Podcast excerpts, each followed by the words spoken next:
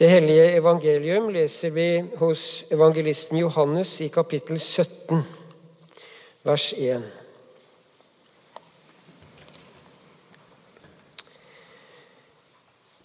Da Jesus hadde sagt dette, løftet han blikket mot himmelen og sa, Far, timen er kommet.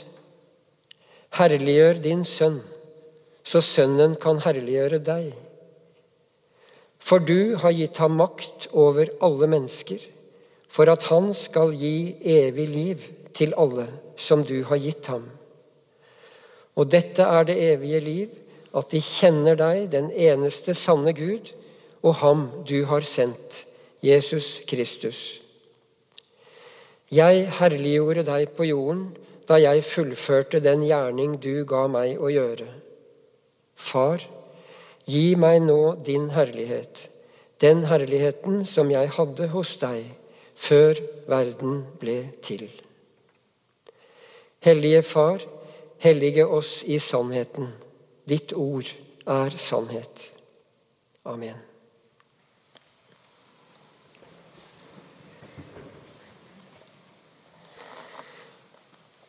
Da Jesus hadde sagt dette, leste vi nå først. Men hva hadde han sagt?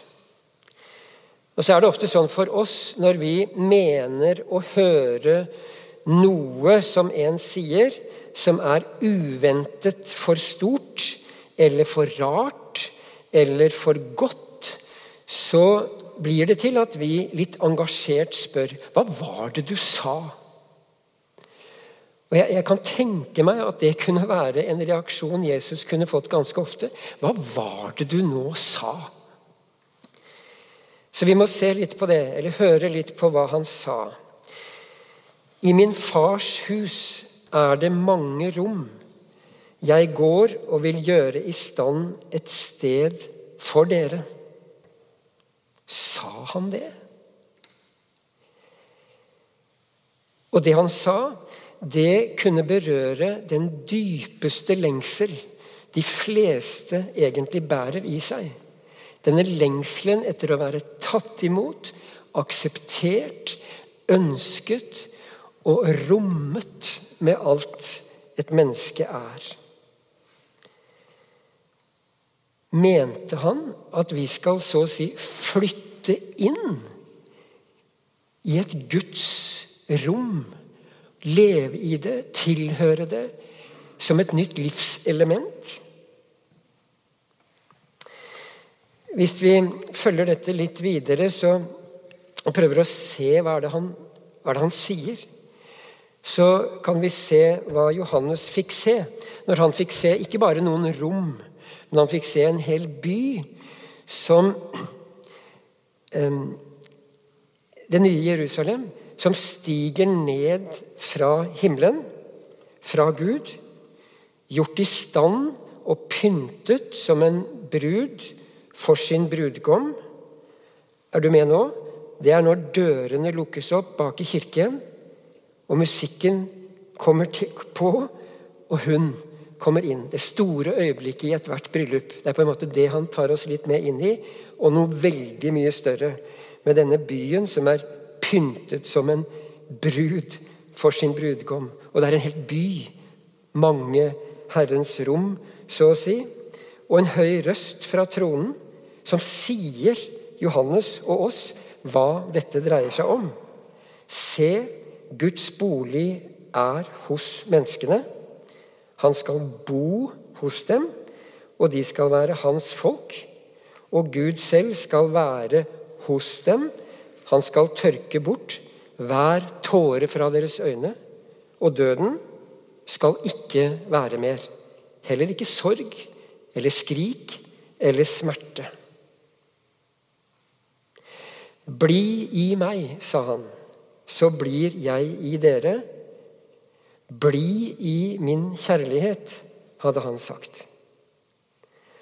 Og med det kunne et menneske kjenne på en invitasjon til å være med inn i et vennskap og en godhet som er så sterk at den, den du ble invitert inn i et vennskap til, kunne si Du, du er i meg, du. Og Da skjønner vi det dreier seg om en kjærlighet som er helt enorm. Når et menneske lar et annet menneske så å si bo i seg. Sånn snakket Jesus. Og han sa, 'Dere skal elske hverandre som jeg har elsket dere.' Og den som blir i meg, og jeg i ham Han blir ikke helt trett av å snakke akkurat sånn. Den som blir i meg, og jeg i ham, skal bære mye frukt. Det sa han. Om livsforvandlende ting som har med kjærlighet å gjøre, og som har med fellesskap oss imellom å gjøre. Om et fruktbart liv. Han hadde også sagt hvordan dette skal bli deres nye virkelighet. Han sa, 'Jeg går bort, og da kan jeg sende talsmannen til dere, sannhetens ånd, som skal veilede til hele sannheten.' Og så kommer det, 'Og han skal herliggjøre meg. Dette hadde han sagt, og han hadde sagt at han går. Og nå får vi altså høre etter hvert hvor han går. Jesus hadde jo kommet fra et sted.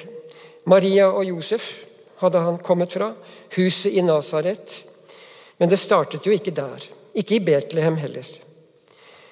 Han var fra evighet i himmelen, hos Gud. Og Dette kan vi jo ikke forstå, men vi har fått noen bilder for å hjelpe både tanke og følelser.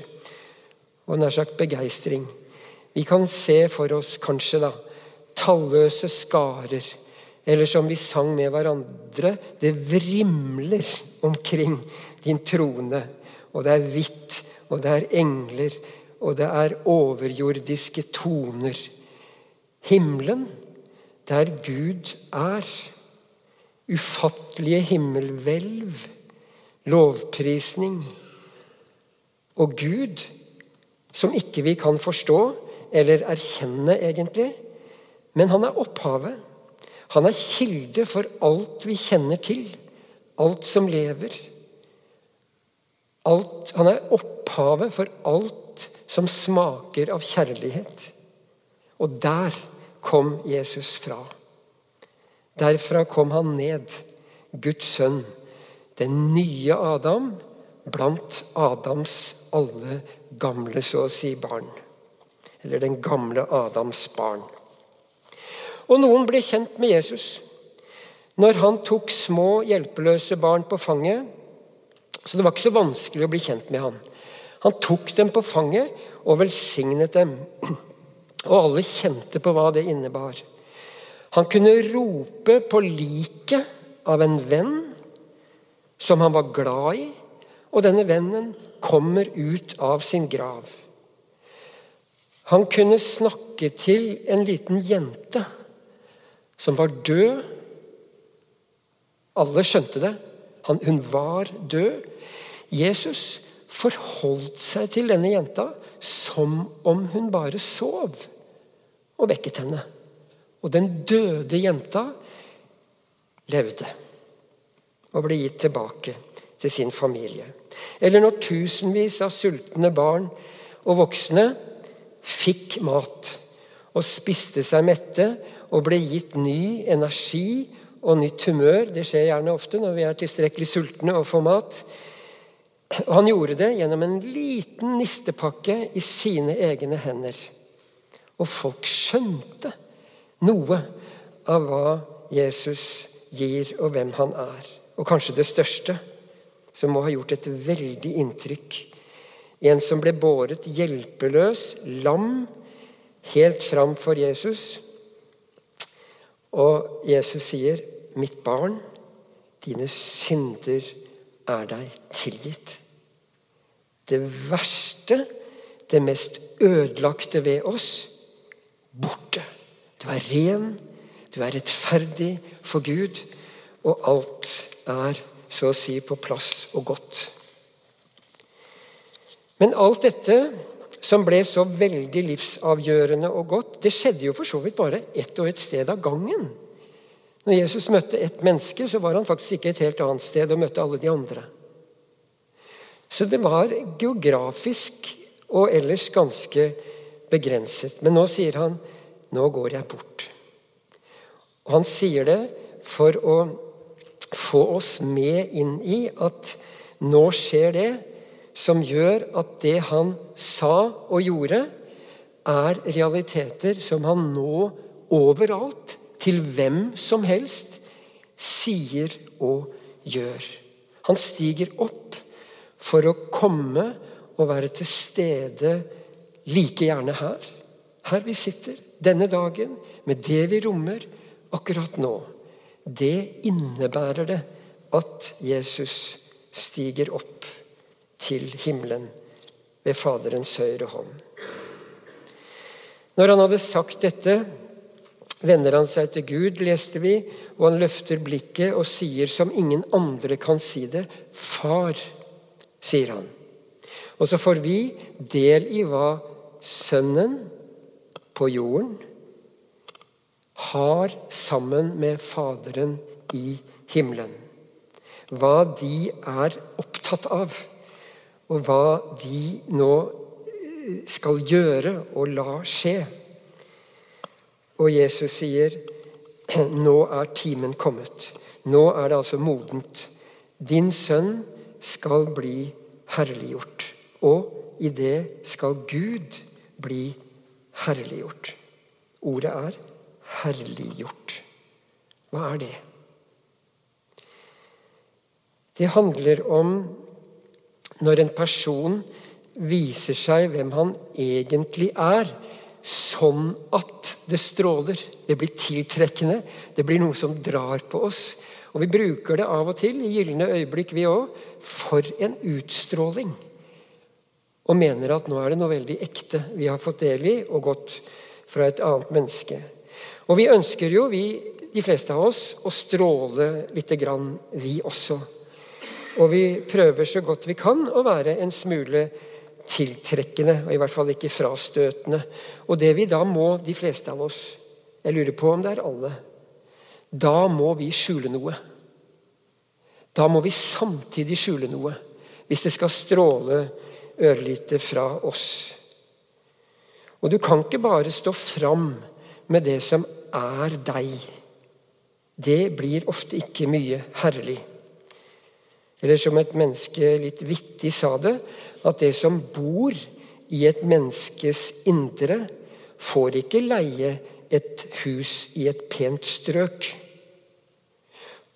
Det som bor i vårt indre, og som nær sagt kommer og kommer, selvopptattheten, dårlige tanker om andre, nye argumenter om hvor det dårlige det de andre gjorde, er, og den type ting. Så vi har ikke så stor sjanse til å bli herliggjort på en måte sånn fra oss selv her. Men han, og det er en kjempeannen virkelighet, han skal herliggjøres. Og når hans sanne indre trer fram, da kan alt godt og stort og underlig skje. Og det skjer først og helt uventet gjennom noe veldig, veldig lite, lite herlig. Fullstendig forlatt, helt foraktet. Han er slått. Så løftes han opp som en verste forbryter, og han dør. Og det som skjedde, det som drev han inn i det fordi han ville det, det som så å si går løs på han, det er dine og mine svik og synder. De du vet om, og alt det som kanskje ikke er deg bevisst i det hele tatt, men som er der ut fra ditt gamle jeg. Og Når Judas er i gang med å forråde Jesus, så forteller Johannes nå og Det er veldig rart. Nå ble menneskesønnen herliggjort. Og det er fryktelig lite herlig, det vi ser på. Men her trer så å si Jesu sanne person fram og blir tiltrekkende og så å si strålende. Og Handler ikke det om at dette er stedet hvor vi kjenner, vi som syndere, kan komme? Her er håpet. Her er det det åpner seg. Her er det vi blir tatt imot og rommet. Og lammet tilbes siden og æres i himmelen, der det vrimler av røster og toner for Guds trone. Og lammet tilbes og æres like herlig, han har sagt sammen med den herliggjorte, i vår egen gudstjeneste. Og ikke minst når vi nærmer oss lammets bryllupsmåltid. Så er vi knyttet sammen i lammets eh, eh, herlighet, det som stråler fram og trekker på oss. Og vi kan kjenne med hele oss her får vi komme. Her er det et nytt rom å leve i. Og alt skjer altså for å gjøre rommet i fars hus til ditt rom. For å romme deg. Jeg tror det berører din innerste lengsel, uten at jeg vet det, selvfølgelig. Men jeg tror det er ganske allmennmenneskelig etter fallet å lengte tilbake til far. Og det er mye sår lengsel blant oss. Du i han, han i deg. Og når dette trekker litt på oss, og vi kjenner at vi, vi ønsker å svare på dette Åpne oss for kjærligheten. Åpne opp for en litt mer eh, ærlig bekjennelse av våre synder. Når det skjer, og vi merker denne eh, viljen til eh, sinnsforandring, skifte sinn Vi merker ofte noe sånn gammelt og ting som ødelegger mellom oss. og drar oss videre i noe snevert og egoistisk. Og så kjenner vi det kan brytes, og så merker vi vi vil noe annet. Sinnsforandringen og omvendelsen. Hva er det som skjer da? Og Det tror jeg vi får høre i det Jesus snakker med Gud om. Han sier, 'For du har gitt ham makt'. Han snakker da om seg selv. Du har gitt ham makt. La oss stoppe litt ved det først. Makt. Maktbruk. Det er at noen får igjennom det de vil, at andre må vike eller lide eller finne seg i. Enten det er politisk eller militært eller økonomisk eller psykologisk. Jesus er seg bevisst at han er gitt makt over alle mennesker. Det er nesten et språk vi ikke kan leve med. ikke sant? Makt over alle mennesker. Hva slags makt er det vi utsettes for? Når vi stadig kommer, når vi stadig vender tilbake, når vi stadig eh, åpner oss og tar imot, da tror jeg det nettopp er hans makt som drar på oss, gjør noe med oss. Og den makten er sånn, hva er det han sier? Du har gitt ham makt til å gi evig liv. Så mye er det vi får. Så mye er det i den makten som drar på oss, at han, han trekker oss inn for å gi oss del i evig liv. Evig liv. Liv som varer. Liv tvers gjennom døden. Men også liv av en annen kvalitet. Det å få leve som deg som den du er skapt som, men tilgitt, renset, elsket. Leve som den du også skal bli, en gang oppstått med en ny kropp i et gjenfødt skaperverk, hinsides klimakatastrofe og krig og sykdom og gråt og smerte og alt som tar sånn tak i oss her. Han har makt til å gi oss evig liv. Sånn snakker han fortrolig med sin far. Det skulle være ganske gyldig, dette. Og noe i oss aner hva han snakker om. Og Vi mennesker kan på et vis ikke huske, da, men vi har en slags kan vi snakke om det, en slags erindring om den tilstanden som ikke er ødelagt av noe.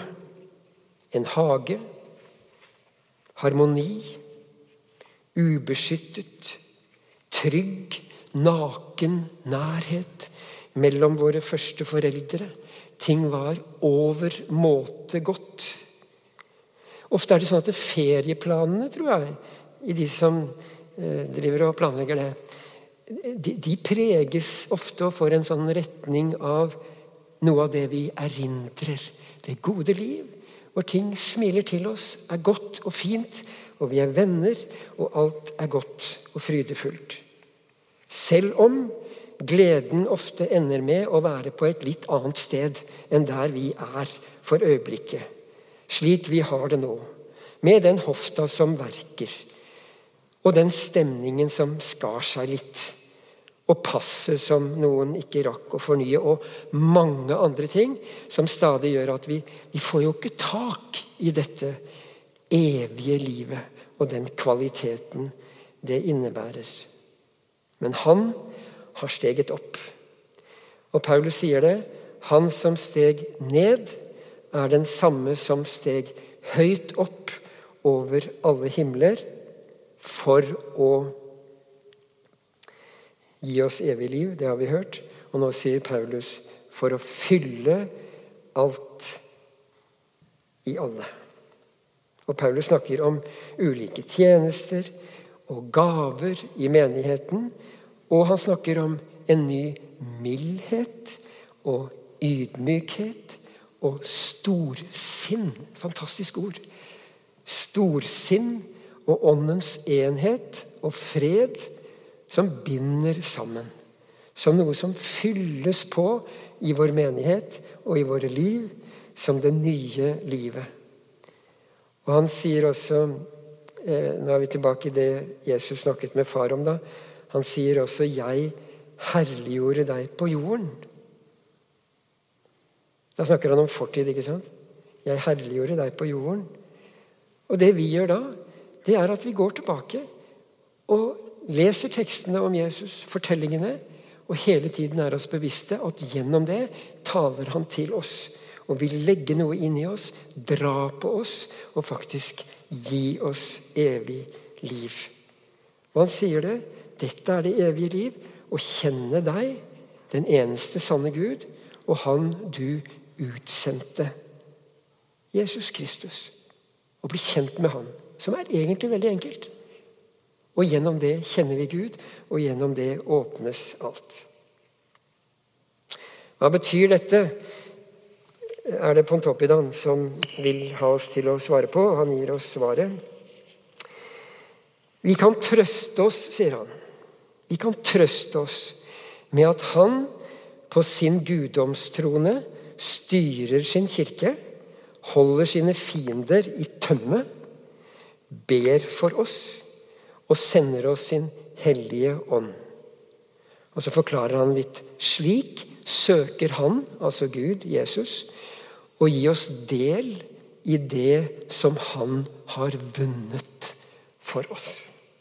Gaven å gi det evige liv. Og så skal ikke vi sannsynligvis bygge og innvie små kirkebygg og kalle dem Kristi himmelfartskapell eller noe sånt pga. Jesu himmelfart. Men det er god grunn til at vi så å si eh, fornyer og innvier oss til trofast å samles og komme sammen, komme hit. For de fleste av oss gjelder det. For å be, for å åpne oss, for å la Herren som er til stede, gjøre sin gjerning.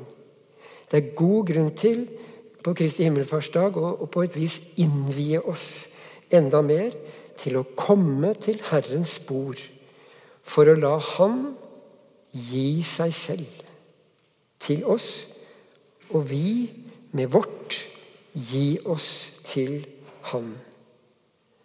Og det er grunn til å så å si innvie både tid og kanskje sted hjemme der vi bor.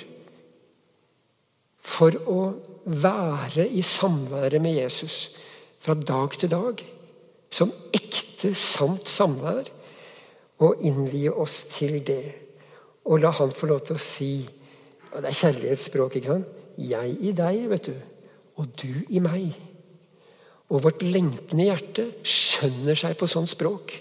Og vi kan trekkes inn i en kjærlighet som bare kan bli rikere og større for hver eneste dag som går.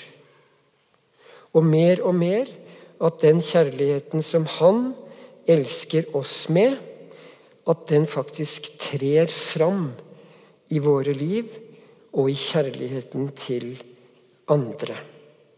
Og da skjer det at Kristi himmelfart, som handler om at Jesus blir herliggjort her på jord i vår syndige verden, at den nås, eh, når til flere og flere rundt oss. Gjennom deg.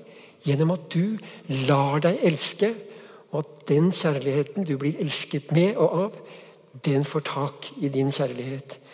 Og Kristus oppdages, og andre kan trekkes inn og kjenne hvilket liv det er i dette.